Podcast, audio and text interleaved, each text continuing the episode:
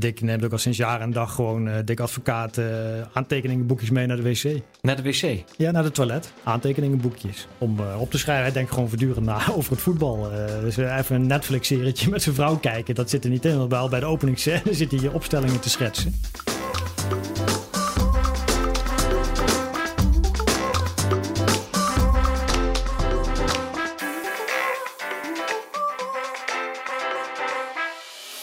Podcast Scorebordjournalistiek bespreken we wekelijks een productie van Voetbal International.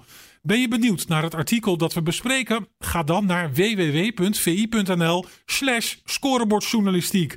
Daar kun je het hele stuk gratis lezen www.vi.nl/slash scorebordjournalistiek. Aflevering 25. En voor een half jubileum is het wel mooi dat we hier zitten met dezelfde mannen die bij podcast nummertje 1 aanwezig waren. Tom Knipping, Martijn Krabbedan. Welkom. De zilveren podcast. Dank je. Tom. Ja, dat was een groot succes natuurlijk, die primeur. Dus, uh... Dat was de beste tot nu toe. Ja, nou, de, de, de 23 daarna kon hij niet aan tippen. eigenlijk maar moeten stoppen. Huh? Vaak op je hoogtepunt, hè? Ja. ja. vervelend. Destijds hadden we het over Ronald Koeman, de bondscoach van Oranje. Ja, en, en dit keer gaan we het doen over, ik durf het wel te zeggen, nog een grotere trainer. Althans qua uh, erelijst. Qua CV moet ik misschien wel zeggen. Aantal clubs. Dik advocaat. Nou, beide hè? Ja. Ik bedoel, qua cv, maar ook qua gewonnen prijzen. Inderdaad. Volgens mij na Kruijf van Vergaal degene die de meeste prijzen heeft gewonnen. Als trainer. Als trainer. Heeft hij ook even de tijd voor genomen, hè? Ja, ja natuurlijk. Maar vergeet ook niet dat hij vijf keer bondscoach is geweest, hè? En dat wordt natuurlijk een stuk moeilijker om, om nog prijzen te winnen. Dus als hij in die periode een, een grote club had getraind, had dat er nog beter uitgezien dan, uh, dan het nu al het geval is. Ja, want hij heeft de meeste interlandse, na de oorlog dan, in Nederland als bondscoach. Dat is best bizar. Welke periodes heeft hij er gezeten? Bij Oranje? Ja. Hij is assistent geweest uh, onder, onder Michels. Hij is interim bondscoach geweest eventjes. En, uh, dat was volgens mij Hongarije uit. Die beslissingswedstrijd met, uh, met deed hij die toen. Um, hij is, heeft de kwalificatie gedaan voor het WK in, in, in Amerika in 94. Nou ja, toen ging Cruijff niet. Toen mocht hij het zelf doen. Toen is hij in 2003 volgens mij teruggekomen met Van Hanegem, Oranje. En heeft hij tot het EK, in 2004 gedaan. Ja, en toen is hij nog een keer teruggekomen als assistent van Blind. Toen ging hij naar uh. Om uiteindelijk die uh, kwalificatiereeks weer af te maken als, uh, als eindverantwoordelijke. Dus ja, hij is vaak, vaak langs geweest, Dick. Ja, ik heb dus een, een verhaal gelezen van Tom Knipping hier aanwezig. En het, was, ja, het is meer een portret met de kop Duracell Dick, van advertentieverkoper tot recordbondscoach. En ik heb ontzettend veel moeten gniffelen. Ik heb hardop moeten lachen zelfs een paar keer. Want ja, het leest, het leest als een boek, hè? Zijn carrière, zijn verhaal. Zeker. Er is geen tweede Dick. Nee. Nee. Maar er is ook geen tweede Stef. Of geen tweede Tom. Er zijn er een paar die erbij in de buurt komen. Oh, maar het verhaal van Dick Advocaat is wel zo uniek. Uh, en ik wil toch even om terug te blikken op wat hij gedaan heeft en hoe die is. Er eigenlijk terug gaan naar één quote. Ik ben geen Bobby Robson die tot zijn 70ste doorgaat. Al dus Dick Advocaat. Ik zeg een jaar of 10, 12 geleden. Ja, Hij is nou, 72 volgens, nu, mij, volgens mij heeft hij 15 jaar geleden ook gezegd. Toen, geloof ik, na zijn episode bij Borussia Mönchengladbach. Dit is mijn laatste klus. Mijn laatste klus. ja, dit wordt mijn laatste klus. nou, hij, zit nu bij Feyenoord en dit is sindsdien zijn zeventiende job. Ja, het is al een aantal jaar zijn ene laatste klus waar ik uh, aan begint. Zo moet je het maar zien. Oké, even voor de jonge luisteraars, want uh, die, zullen Dick Advocaat nu kennen als trainer van Feyenoord, misschien van Utrecht vorig seizoen. Uh, ook als speler natuurlijk een interessante carrière gehad, maar ook gewoon, uh, ja, dat lees ik ook in jouw verhaal, Tom, ook gewoon een interessante jeugd en een ontzettend interessante man op die leeftijd. Want Dickie was niet gewoon voetballer, Dickie was ondernemer. Ja, hij was gewoon zelfmade. Hij komt uit een vrij arm gezin. Hè. Thuis hadden ze geen, geen kwartje. Zijn vader was administrateur, geloof ik. Zijn opa was grondwerker. Uh, zijn ouders, uh, ze hadden nog meer kinderen. Zijn ouders waren volledig bezig met de wederopbouw na de Tweede Wereldoorlog. En voor Dick was er eigenlijk alleen uh, school en voetbal. En alle centen daarna heeft, hij, heeft hij inderdaad zelf verdiend. Toen hij speler was, al had hij er allerlei baantjes bij. Hij speelde bij, bij Roda. Dan was hij bijvoorbeeld advertentieverkoper voor de, voor de vrouwenbijlage, voor de krant. Dus ging hij met een ploeggenoten, reed hij rond om, ja, om de ladyshapes aan de man te brengen. Uh, ja, heeft, in die periode heeft hij eigenlijk altijd allerlei bijbaantjes gehad. Bij de KLM heeft hij geloof ik gewerkt op de administratie. Hij is vertegenwoordiger geweest in de systemen, plafonds. En zo heeft hij zichzelf uh, ja, omhoog gewerkt. En hij was een aardige speler, geen topper. Een, uh, ja, een, uh, een breker op het middenveld die een beetje onder het niveau van Johan Neeskens één eta etage lager bleef steken. En als trainer heeft hij het vervolgens ja, volledig waargemaakt en, en de top gehaald. Ja, want ik, ik las, bedoel, een jongen van ADO kunnen we wel zeggen. Uh, ja, tuurlijk, ADO was zijn club. Daar keek hij uh, echt tegenop, tegen de mensen die daar speelden. En vroeger kwam hij ook niet zomaar bij ADO. Hè? was ook een soort van, van ballotagecommissie. Dus wat ging advocaat nou doen? Die ging als jonge jongen naar de club om daar klusjes te doen. Om te helpen, om de lijnen te trekken, om, uh, om de doelen weg te zetten, om ballen te, te verzamelen. Tot hij uiteindelijk, en dat was denk ik misschien op zijn 15e, 16e, de toestemming kreeg om voor het grote ADO te, te gaan spelen. En zijn broer, Um, die speelde al betaald voetbal. Volgens mij, waar was dat nou? Ja, die keek hij enorm tegenop. Keek hij enorm tegenop. Ja. En die, ik weet nog dat hij mij vertelde dat hij uh, op zondag naar de radio luisterde. En had zijn broer gescoord bij Sparta uit. En daar was hij zo verschrikkelijk trots op. Maar dat wilde hij zelf ook. En hij had vroeger een jeugdvriend. En ze woonden in van die fletjes in Den Haag. En dan smeerden ze hun benen in met de middelgan van, uh, van, van zijn broer Jaap. En dan uh, gingen ze staan trappelen tussen die flatgebouwen. En dan leek het net alsof ze in, in de spelerstunnel zaten. Nou, dat zegt ook wel iets over, uh, over advocaten. Dat er altijd een enorme liefhebber is geweest. En dat zijn leven, behoudens dan die bijbaantjes die hij dan gewoon nodig had, was, is en, en blijft eigenlijk gewoon voetbal. Ja, en ADO inderdaad. Die is een club waar die enorm tegenop keek. En het ja. trok ook heel veel op met Atemos, geloof ik, in die, ja, in die periode in, uh, in, in, hun jeugd. En inderdaad gingen ze heketeren bij de voetbalclubs of door de Franse kranten verkopen op straat. Straatmaden liever waren we, zegt Atemos eigenlijk altijd over die periode. Ja. Dus Dick en hij waren altijd op, uh, op straat te vinden en trokken veel, uh, veel samen op. Ja, en dat, dat ADO is er nooit uit te gaan. Want ik weet ja, ADO, voor... alles de oefeningen ook. Er staat ook een, eigenlijk een naam die een beetje symbool staat, misschien ook wel voor, voor het leven van Dick. Ja, mooi, mooi gevonden. Ja, ik zat vorig jaar zat ik uh, met hem aan tafel toen hij trainer van Utrecht was. En toen ging het over de uitwedstrijd tegen ADO. En dan kan hij gewoon een half uur praten met liefde over die periode. Hè. Dat was wel echt, echt een groot onderdeel van zijn leven. En ADO zit, hij heeft bij zoveel clubs gewerkt. En hij is volgens mij ook overal welkom. Dat merk je ook als hij dan met Feyenoord bij PSV komt. Dat hij met iedereen weer staan handjes staat te schudden en te knuffelen. Want iedereen mag hem. Maar ADO heeft een speciaal plekje in zijn hart nog steeds, heb ik de indruk. Ja, dat gaat ook nooit meer weg als je daar geboren bent. En het is je club, je eerste club. En dan blijf je daar natuurlijk van, uh, van houden. Dus ja, dat is niet, uh, niet raar. Maar hij houdt inmiddels ook van Feyenoord hoor. En voor PSV heeft hij warme gevoelens. En voor Zenit en voor, uh, voor Rangers. Rangers. Eigenlijk waar hij ook nog waar hij heeft gezeten. Misschien op Gladbach na. Heeft hij wel uh, goede, goede herinneringen. En dat is ook wel knap hè. Als je als trainer overal gewerkt, overal gewerkt hebt. En je, en, je, en je kan terugkomen door de voordeur. Nou, dat, bij Gladbach weet ik het niet. Maar bij de Verenigde Arabische, Arabische Emiraten zeker niet. Maar voor de rest nou, is België uh, ook niet, denk ik. België ook niet Belgisch echt, alhoewel die nog wel geld aan hem verdient, geloof ik. Dus ja, over het algemeen is het wel iemand die, uh, als hij ergens binnenkomt, iets losmaakt en ook altijd weer, uh, weer terug kan keren. Ja, en dan, dan ga ik even het lijstje langs. ADO, San Francisco zie ik staan, Rode JC, VVV, Chicago Sting, FC Den Haag, Sparta, Berghem Sport, even Utrecht nog en dan Duindorp en dan zit de carrière erop. En dan begint hij bij DSVP. In Pijnakker, ja zijn trainerscarrière. Ja, ja. amateurclub. Ja. Daar heeft ze nog steeds de record in handen. Was volgens mij 50 wedstrijden achter elkaar uh, ongeslagen bij die, uh, bij die oh, amateurclub. dat, oh, en dat weet hij Want, nog. En ik vroeg dat laatst, omdat hij bij Feyenoord natuurlijk een hele ge geweldige serie nu neerzet. Met, wat is het, 13 wedstrijden, 11 gewo of 10 gewonnen, 3 gelijk. Ja, je raakt heel snel de kluts alweer kwijt. Dus ik vroeg aan de advocaat of hij dat eerder had meegemaakt in zijn carrière. Dat wist hij niet precies, maar ik kon zich wel die serie bij DSCP herinneren van, uh, van 50 wedstrijden. Ja, en die gasten, dat waren amateurs, maar die behandelden die ook als halve profs. Hè? Dus met oud en nieuw uh, bellen of ze wel op tijd naar bed gingen, want de volgende ochtend gingen ze toch gewoon trainen. Dus het fanatisme wat hem later zo kenmerkte, dat had hij toen als trainer bij de amateurs ook al. En dat is er eigenlijk nooit meer uitgegaan. Ja, want hij liet de duckouts ook verplaatsen volgens mij. Alles. En nieuwe ja. TL-lichten kwamen er in de kleedkamers. Volgens ja. mij was hij ook iets georganiseerd zodat hij de kleedkamer van de tegenpartij kon, kon afluisteren. Ja. En als ze een uitwedstrijden hadden, dan ging hij vast van tevoren rijden om te timen hoe ver het was. Dus ja, het was enorm. Uh... Hey, uh, Tom, ik las ook iets over rugnummers in die tijd. Weet je dat nog? Uh, nee, dat weet ik niet meer. nee, nee, ik, heb, nee ik, ik, ik, las in jouw stuk ook dat hij de rugnummers van het shirt liet afhalen. om dan bij de tegenstander een beetje. Alle verwarringen ja, ja, verwarring te veroorzaken. Ja, dat, is toch, ja. dat zou zo kunnen. Dat is toch fantastisch? Ja. Nee, ik, ik, ik zit even, dat, dan wordt hij trainer. Ja. Ik las ook in het stuk dat Rinus Michels er ook wel een rol in heeft gehad. Om hem, gevraagd. want was hij anders hoofdtrainer geworden? Nou, dat, was hij, dat zag hij eigenlijk niet zo zitten, zei hij altijd. Hij vond dat die mensen altijd enorm veel stress uh, uitstraalden. Dus hij, volgens mij zei hij in het begin, uh, nou, zoals zoveel trainers, dit vak wil ik niet gaan doen. Maar hij is een beetje op de Rinus Michels trein beland. En onder zijn vleugels heeft hij het vak geleerd. Wat hij vooral moeilijk vond was omgaan met de media. Dus ook als Rinus Michels persconferenties gaf, maakte hij altijd volop aantekeningen.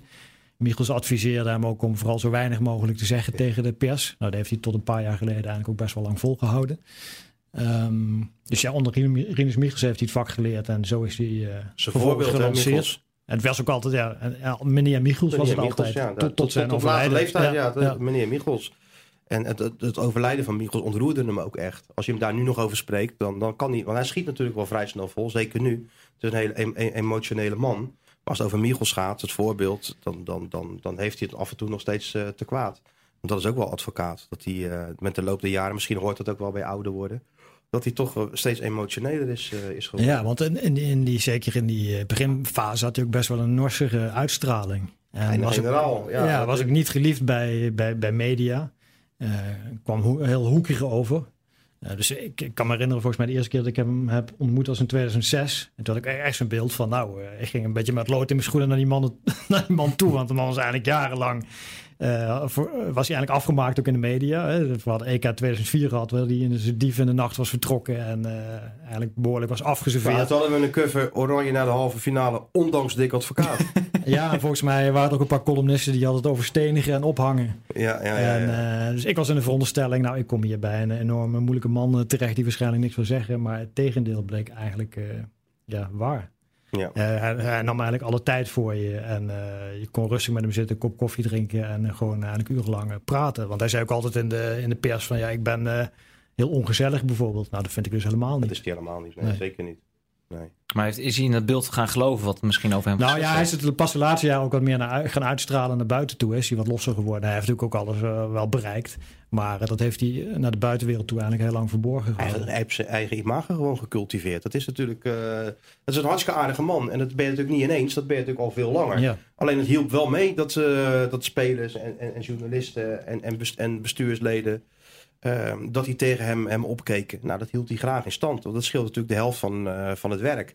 Ja, nu hij wat ouder is en nu hij eigenlijk alles al achter de rug heeft, is het natuurlijk wel wat makkelijker om dat, uh, om dat los te laten. Maar zeker ook in het begin als trainer heeft hij, dat, heeft hij echt wel de harde boeman gespeeld. Hij vertelde me zijn verhaal bij Haarlem.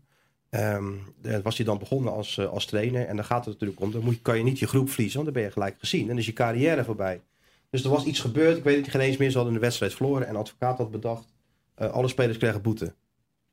Dus hij uh, komt de kleedkamer en zegt allemaal 50 gulden. Ik weet het niet, hè? Misschien ja. allemaal 50 gulden boete. En de kleedkamer uitgelopen en, uh, en weggegaan. En hij zegt dat was wel een bepaald moment in mijn carrière. Want als die spelers toen in opstand waren gekomen, of ze hadden niet betaald, of ze hadden me weggestemd of zo, ja, dan had het heel anders kunnen, kunnen, kunnen aflopen. En dat is me altijd wel bijgebleven. Dat die, zeker in het begin moet je als trainer ook een beetje geluk hebben en een beetje succes hebben. En dan, uh, dan ben je gelanceerd. Nou, dat lukte advocaat bij Haarlem. Later kwam hij natuurlijk in een gespreid bedje bij SCV. Met, uh, met, met John van Dijk, die hem uh, met een Mercedes overhaalde om daar trainer te worden en, en kampioen ja, met een, te worden. Er werd gezegd, je krijgt een Mercedes als je hier komt werken. Hoe ging dat? Nou, nee, het ging, ze wilden natuurlijk graag hebben. Hè. Wim Jansen was daar technisch directeur. En advocaat had een goede naam opgebouwd als, als trainer. Ja, dus die ging onderhandelen met SCV toen. En ja, Dick is wel, die houdt wel van een bepaalde status. Hè? En een beetje, uh, dat, houdt, dat vindt hij wel mooi. En John van Dijk was destijds net overleden. De grootste Mercedes-dealer in misschien wel Nederland. Dus toen advocaat daar kwam, toen zei hij van... Oké, ik wil hier wel uh, komen trainen, maar dan wil ik wel de mooiste Mercedes die je hebt. Nou, dat heeft, die heeft hij gekregen. Ja. ja, die status is hij altijd wel van blijven houden. Hij blijft Tot, tot op heden eigenlijk blijft hij het prachtig vinden als je met een privéjet wordt opgehaald om ergens onderhandelingen te voeren of in een geblindeerde uh, limousine naar een of andere regeringsleider te worden gebracht. Dat, dat, dat, blijft, daar blijft hij van genieten. Dus hij is nooit blasé geworden. Nee, en de tegenstelling tot de halve, halve Zijlstra zat hij wel gewoon bij Poetin, hè? gewoon eh, eh, face-to-face. ja, wat, wat hij toen ook zei was ook mooi, hè? Was hier nou wel kleine mannen kunnen ook succes hebben? Kunnen wel, ja, ja, ja, ja, dat klopt. Ja, ja, ja, ja. Dus die zat gewoon met Poetin. En uh, hij wilde eigenlijk terug naar Nederland. Omdat daar al zijn successen bij Zenit Sint-Petersburg. Maar het is de club van Poetin. En die was natuurlijk zo blij en tevreden over hem. Dat de uh, advocaat dacht van, uh, nou ja, goed, we hebben al gewonnen. En ik ga nu zeggen dat ik, dat ik wegga. maar dat ging niet zo makkelijk. Omdat Poetin natuurlijk niet zo, niet zo simpel nee als antwoord wil hebben. Ging hij gekke eisen stellen. Nou, wat dat geld erbij? Ja, geen probleem. Uh, dat erbij? Nou, geen probleem. Nou, uiteindelijk mocht hij geloof ik met het uh, privévliegtuig van Poetin eens in de twee weken naar Nederland heen en weer. Dus er was geen enkel argument meer om weg te gaan bij Zenit. Maar intussen had hij wel zijn ja-woord gegeven aan de Australische Voetbalbond. Dat is natuurlijk ook weer een heel, heel item geworden. Die Australiërs hebben uiteindelijk geloof ik nog anderhalf miljoen euro voor hem eh, gekregen. Na twee jaar hebben, dat, dat dat betaald is. Maar nee zeggen is voor, voor je advocaat ook wel eens lastig. Ja, het mooie was ook dat hij in eerste instantie helemaal niet naar Poetin toe wilde. Hè? Want hij zat in een of ander hotel in Moskou waar ze zich op een wedstrijd aan het voorbereiden. Oh, nee, ja. nee, dat was in Moskou, ja, dat klopt ja. Ja, dat is en toen kwam er, een, eh, ja. en toen kwam er, een, eh, kwam er een, een soort kolonne voor de deur met een paar van, de, van die, eh, van die eh, oude KGB-agenten. en die, die zeiden tegen de advocaat van, eh, ja, Poetin wil je spreken. En had dat, dat dik gezegd, dat is geen enkel probleem, dat doen we na de wedstrijd. Ik moet eventjes mijn bespreking doen.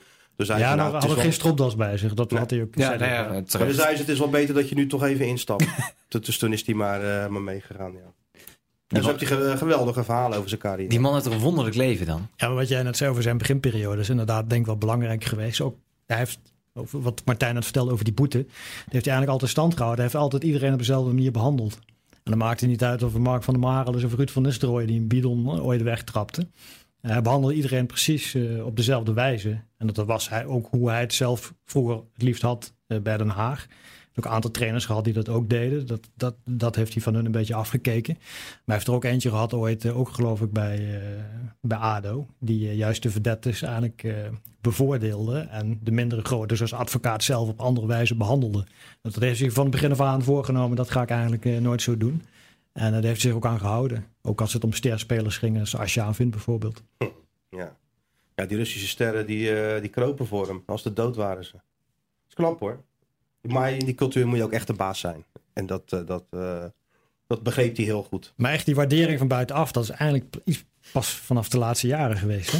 Want ook tijdens het EK 2004, waarin hij eh, nog de halve finale dan haalde, stond hij eigenlijk best wel ja, laag in, eh, in aanzien. Waar is dat veranderd dan? Wat is Nou, het ik op dit denk dat moment? die UEFA Cup winst heel belangrijk is geweest erin met, eh Ja. met Zenit. Dat is natuurlijk heel knap. Heb Zenit echt helemaal op de kaart gezet. Ook wel met de hulp natuurlijk van, van Gazprom en et cetera. Maar je moet het wel doen in een hele lastige competitie. Met Cor Pot is hij daar eh, wonderwel in, in geslagen. Dat is ook wel grappig. Van, advocaat kent zichzelf. Hè? Er wordt natuurlijk altijd gedaan van... Ja, waarvan heb je nou een hemelsnaam Cor Pot mee? Ja, als je met twee advocaten gaat zitten... dan kom je nooit meer buiten. Dan is er, niks, dan, dan, is er verder niks dan eh, op een hotelkamer en voetbal kijken. Nou, Cor Pot, die kwam die ooit tegen op, een, eh, op, een, op, op Schiphol... En Cor stapte op advocaat af en zei: Joh, Dick, als je nog een keer wat hebt, ik hou me graag aanbevolen. En, en, en advocaat mocht Pot wel. Dus die nam me mee naar, eh, eerst naar de KVB en later naar, eh, naar Sint-Petersburg. En dat bleek net iemand die voor een vrolijke nood zorgde. Dus die nam advocaat mee naar een restaurant. Die zorgde dat hij nog een beetje de deur uit, eh, uitkwam. Ja, en sindsdien zoekt hij altijd dat in assistenten wat hij zelf mist. Zo nam die Mario Benepot mee naar Fenerbahce. Petrovic is zijn assistent geweest. Dus hij zoekt altijd iets wat hij zelf mist, omdat hij zichzelf kent. En hij weet, ja, ik moet wel mensen hebben die me af en toe ook een beetje uit die, eh, uit die tunnel halen van voetbal, voetbal en nog eens Ja, voetbal. want in heeft hij alleen maar in het hotel gezeten, toch? Hij Al zat die- in het die Kempinski jaren. Hotel, maar eh, ja, de, de Hermitage heeft hij niet gezien. Ja, wel gezien, maar niet van binnen. Ja, van buiten, ja. ja. Ja, maar de, de, het is... Corpot trouwens wel. Corpot wel? Corpot kent eh, Sint-Petersburg wel op zijn, op, op zijn duimpje. Ja, dat vond de advocaat ook niet erg, want die genoot weer dan van de verhalen die hij ochtends aan het ontbijt hoorde. En jij weet, Sint-Petersburg is best een leuke stad. Het is een hartstikke leuke stad, als je van kunst en cultuur houdt. Maar Dick is niet iemand die gewoon even... eh, het is ook niet iemand die gewoon even voor de lol over straat gaat lopen. Hij, hij, houdt, hij houdt ook gewoon niet van al die aandacht. Nee. Ik kan me herinneren, in Korea heeft hij ook alleen maar in het hotel gezeten. Volgens mij is hij één keer naar buiten geweest. Heeft hij eh, een sjaal helemaal om zijn, eh, om zijn gezicht eh, gedrapeerd en een capuchon over zijn hoofd getrokken. En het is een keer naar buiten geweest. Maar liefst zat hij binnen gewoon Nederlandstalige liedjes eh, te luisteren. En naar Den, Haag te, naar Den Haag te verlangen. Ja, hij is dol op hotels, hè? Ja. Hij is echt helemaal gek van hotels. Mooie grote hotels en dan in de lobby zitten koffie Maar hij heeft, heeft ook iedereen een beetje verbaasd dat hij, eh, ja, dat hij wereldburger is geworden. Want het was vroeger eigenlijk gewoon een man die heel snel last had van heimwee. Toen Aten- Aten Mos toch? Toen? Ja, die ging met hem kamperen. Eh, in de, ik weet niet hoe oud ze er waren, een jaar of 15, 16 of zo. En eh, toen stonden ze goed en wel op de camping. En toen had de advocaat al heimwee en wilde naar huis. Dus heeft advocaat toen, of heeft de mos voor hem geregeld dat hij weer opgehaald werd. Dus eh, Ja, maar het dat, is ont- eigenlijk- dat ontkent advocaat, hè? Want hij zegt, hij werkte ooit bij de KLM, omdat hij dan eh, de gratis eh, vliegtickets kon krijgen. Want hij verlangde wel, of had wel, de, ehm, volgens hemzelf dan, een hang naar het, on, het onbekende. Hij is ook niet voor niks natuurlijk naar nee, dat wel. gegaan, maar want, dat eh, campingverhaal klopte, want dat heb ik ook toen in het portret gezet. Dan heb ik hem vooraf laten lezen. En hij had me over twee details eh, opmerkingen. Die gingen over geld uiteraard. Ja. nou, later, over, over, dat, over, dat, over die campinganekdote had hij geen, geen opmerkingen. Dus dat zal ongetwijfeld Nee, kloppen. Dat zal Ja. wel kloppen inderdaad, ja. Nee, maar dat, dat is wel opmerkelijk. Jij zegt geld. We hebben het net over dat hij status heel belangrijk vindt. Er, op een gegeven moment ging ook het verhaal van ja, geldwolf. Eh, bij onze collega's van Veronica Insight werd altijd de grappen gemaakt over eh, Dick en zijn spaarrekening, dat soort zaken. Hoe zit Nou dat nou? En status, hij wil gewoon dat hij marktconform betaald wordt. Ja, ik kan me dat herinneren is- dat eh Hiddink in, eh, in Ja, ook Rusland in het Hyatt zat. Een Ja. of andere suite daar met uitzicht op het Rode Plein. En eh, toen kwam daarna weer het advocaatbondscoach van, van, van Rusland. En die wilde dan eh, dezelfde suite hebben, want die had Hiddink ook gehad. Dus dat, dat had de Russische bond ervoor over. Dus moest voor hem ook maar geregeld worden. Er was alleen één probleempje. Hiddink was op dat moment trainer van Angie en die had dezelfde suite weer opgereisd. Dus ja, toen werden ze buurmannen. Toen kreeg is nou kreeg, niet zo eh, dat ze een kopje suiker bij elkaar gingen hè? nee, ik geloof niet dat ze bij elkaar over de vloer zijn geweest. Geen- Nee. Geen heel grote vrienden. Maar eh, wat Tom zegt is wel waar, ja. Dus het gaat echt om, eh, om waardering en marktconforme contracten. En nog los van het geld, want dat natuurlijk ook wel, wel belangrijk is. Ah, ik, hij vertelde me een verhaal, toen was hij trainer bij, ik dacht ook Zenit of weet ik veel wat. En toen, of hij was net terug en, er kwam een, en Angie kwam ook voor hem. Nee, sterker nog, Angie kwam voor Hiddink bij advocaat. En advocaat die, eh, die, die noemde een bedrag. En die Russen zeiden, eh, ja, dat is goed, of een beetje onderhandelen. En toen dacht hij, ik noem een bedrag. En als ze daar ja op zeggen, dan doe ik het. Zij noemen een gigantisch bedrag. Toen zei Angie van, nee, nee, nee, dat, dat doen we toch niet. En toen uiteindelijk is Hiddink het geworden voor iets minder. Ja, maar kijk, dat is, ja, de geldwolf, maar het is niet iemand die eh, in buitenhuizen zit of zo. Mij heeft hij één huis in eh, Leidschendam. Maar het is wel een heel mooi huis met een eigen insteekhaven. Ja, in het buitenland heeft ze nog wel wat. Maar het is, het is niet iemand inderdaad die eh, grote vakanties en, en, en heel luxe en alles... Nou, met- sterker nog, hij gaat gewoon bij Utrecht werken. Dat zegt toch wel genoeg. Of bij ik bedoel, eh, ja. ja. anders ga je wel je zakken voor net als van Marwijk in, in Saoedi-Arabië. Of- Maar dat is dan de pure liefhebber die we dan zien. Die Ja, maar van het. Dat is ook wel waar, Tom, maar dat is ook wel een beetje noodgedwongen. Want er waren aanbiedingen uit China. En ik weet nog wel dat we eh, met Feyenoord op trainingskamp waren in, in Marbella. En Sparta was daar ook. Dus gingen we even naar Sparta kijken, waar advocaat al net trainer is. Was geworden. En toen kwam de bus van, ja, weet ik veel, Evergrande aan of zo, weet je wel, uit China. Met, eh, met hoe heet die, die, die Chileense coach, die later nog bij West Ham, bij West Ham zit nu. Oh, je bedoelt Pellegrini? Pellegrini. Die kwam daar. Ik weet, dus ik weet ook niet of het Evergrande was, maar je hebt er zoveel Chinese clubs daar. En allemaal rijk en allemaal eh, met grote bussen. Dus die kwamen het, eh, het complex opgereden waar Sparta een oefenwedstrijd moest spelen tegen, tegen Kaiserslautern. En dan zei Dick, ja, daar had ik ook kunnen zitten. Een geweldige aanbieding gedaan. Maar dat krijg ik er thuis niet meer doorheen. Dus het is ook wel een beetje noodgedwongen dat hij in Nederland eh, werkt.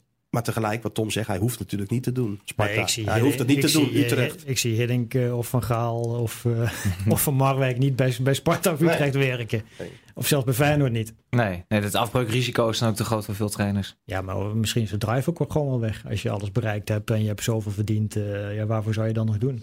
Trouwens, ik zit even te kijken. Ik zie Hibai China Fortune staan. Zal dat het geweest, zal die, dat die club Ik, ik denk dat die club geweest is Ja, ja, inderdaad. ja. Wil je meer verdieping bij het voetbal? Ga dan naar vi.nl slash podcast en neem een abonnement. www.vi.nl slash podcast. Dick is op een gegeven moment ook een soort van eh, ja, troubleshooter geworden. Dat ik het idee had van, Ja, een, ja, club, nou- een club is in de problemen, Dickie komt binnen. Dick komt het wel redden. Of, of als mentor, hè, het mentorschap heeft hij wel eens gehad. Of bij clubs waar het dan even niet lekker loopt en Dick komt binnen.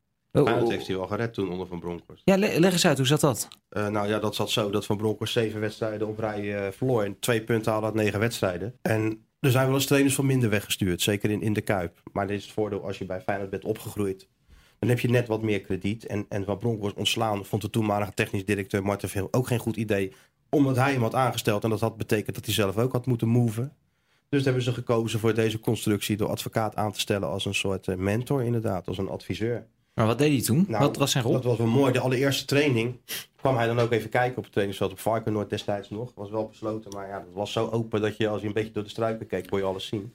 En dan stond hij dan in zijn eh, regenjas op het veld. En eigenlijk binnen drie minuten begon de training al te leiden. Positiespelletjes, coachen, druk heen en weer. Tot iemand zei van, ja, maar je bent wel adviseer. Uiteindelijk heeft hij zich daar echt aan gehouden hoor. Nooit meer op het trainingsveld geweest. En echt alleen maar met die trainers in een kamertje gezeten. Wat aanpassingen doorgevoerd in de opstelling en de speelwijze.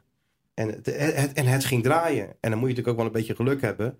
Maar de rol van advocaat moet je in, die, in dat seizoen ook niet onderschatten. Want hij is wel echt wel belangrijk geweest voor Van Bronckhorst. Maar dat zie ik Hiddink bij PSV nu wel anders doen. Die zie je niet op het veld. Nee, maar advocaat is ook maar één keer op het veld Ja, geweest, oké, hè? maar die ene keer dat hij er is, dan Ja, drukt hij Hering wel zijn stempel toch- meteen. He- Hering staat toch langs het veld? Nou ja, die stond als trainer al niet op het veld. Nee, Dus, ja, eh, ja, die, die, kwam, die kwam drie kwartier voor de wedstrijd gewoon aan. Dat is ook een aparte... Maar goed, iedere trainer heeft natuurlijk zijn eigen manier. Advocaat is, is, is zo scherp en wil alles in de hand houden. En, en, en, de trainingen leiden, dat weet jij ook Tom. En Hiddink is meer van het loslaten. En ik heb goede assistenten en die regelen het allemaal wel. Nou, dan had hij Fred Rutte.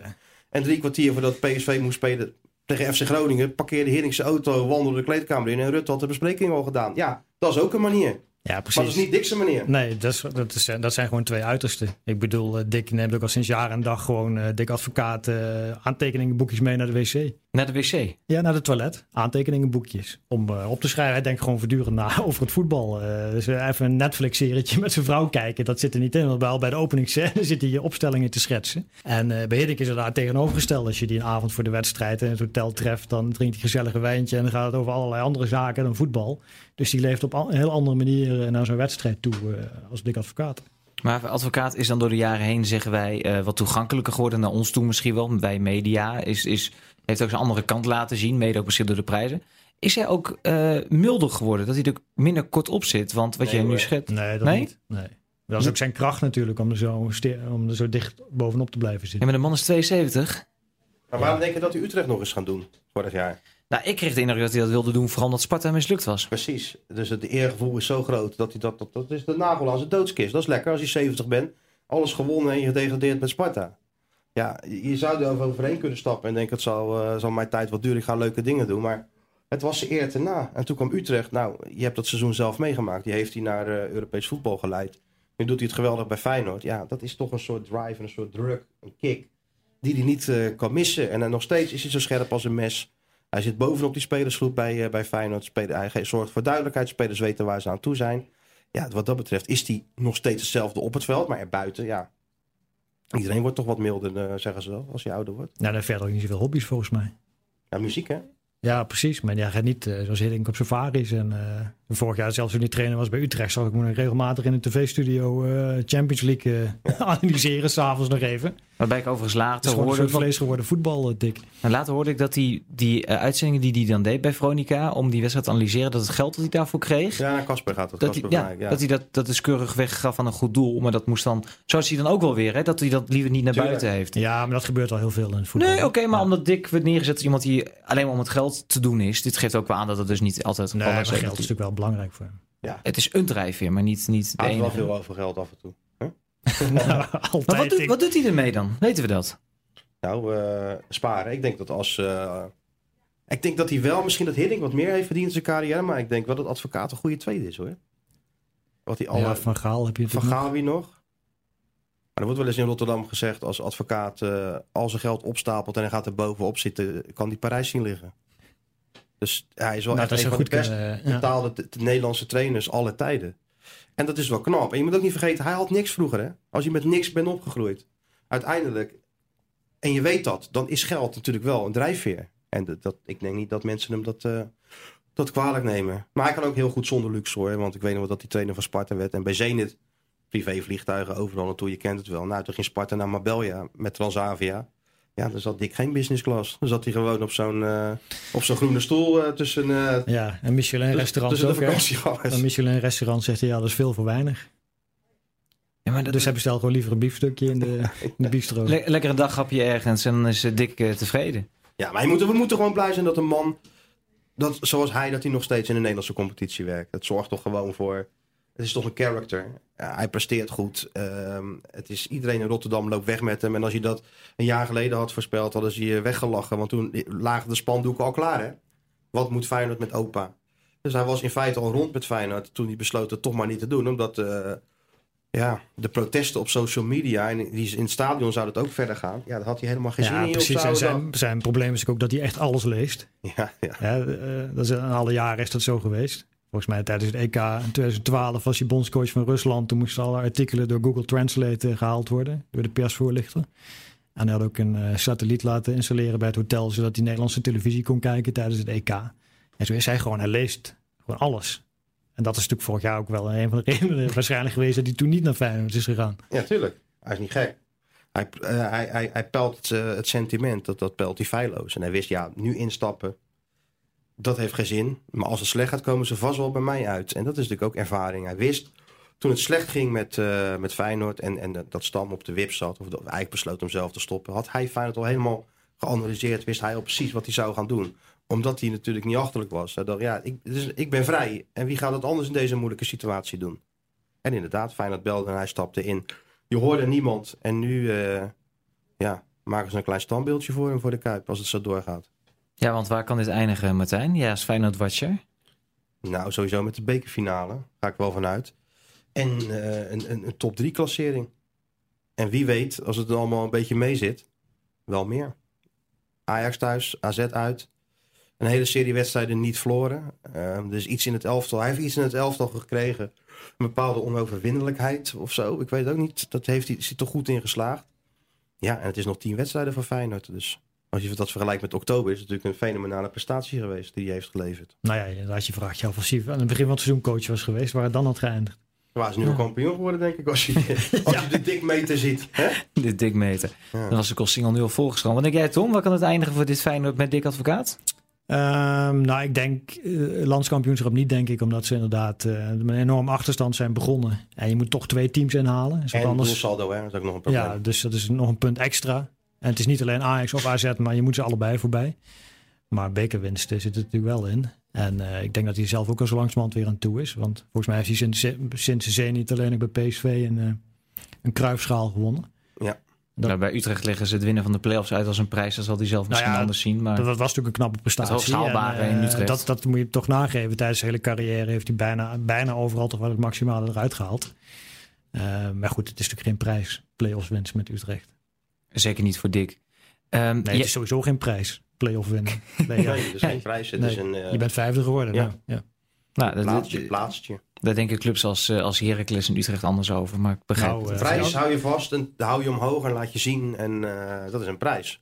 Het, Het was, voelt als een prijs. Dat het, het, was, het was een mooie avond eh, rond stadion Galgenwaard eh, toen ze de play-offs uiteindelijk wonnen. Ja, Ja. tijdens de wedstrijd alleen niet eh, valt me altijd op in die playoffs. Maar goed, Dit is een hele andere discussie, maar nee, ja, nee oké. voor eh, bij Utrecht waren ze heel blij in ieder geval dat hij instapte vorig jaar en dat hij, eh, ja. dat hij ze naar de play-offs eh, bracht. Ik ben nu benieuwd naar het verhaal van Tom Knipping, portret over Dick Advocaat genaamd Duracell Dick van advertentieverkoper tot recordbondscoach. Ga dan naar vi.nl slash scorebordjournalistiek. Daar valt het verhaal te lezen. Heren, nog één laatste vraag. Als jullie 72 zijn, wat eh, willen jullie dan doen? Zijn je dan nog journalist bij VI? Of Nou, ik hoop eerst dat ik het haal. stap 1? Nee, ja, 72. dat lijkt me niet. eh, nee. Nee? Martijn? Ik denk het niet. Ik Martijn- hoop dat ik... eh, Martijn denkt gewoon op het e-bike langs de Maas eh, tegen die tijd. nou... ja, jee, wat is dat voor een vraag? Op mijn Ja, 72. Dus Dick ik is denk gewoon 72. Elke, elke middag een beetje in het café, een beetje kaarten, een beetje voetbal kijken, een beetje niks doen. Dat lijkt me wel wat. Ja, toch, eh, toch denk ik bij Martijn wel een beetje hetzelfde als bij Dick. Dat hij dan geen afscheid kan nemen. Wat denk jij Tom?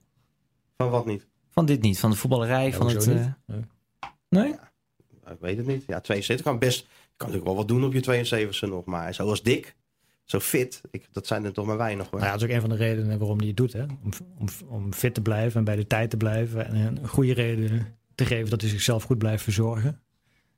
Want jij zijn grote angst is doodgaan.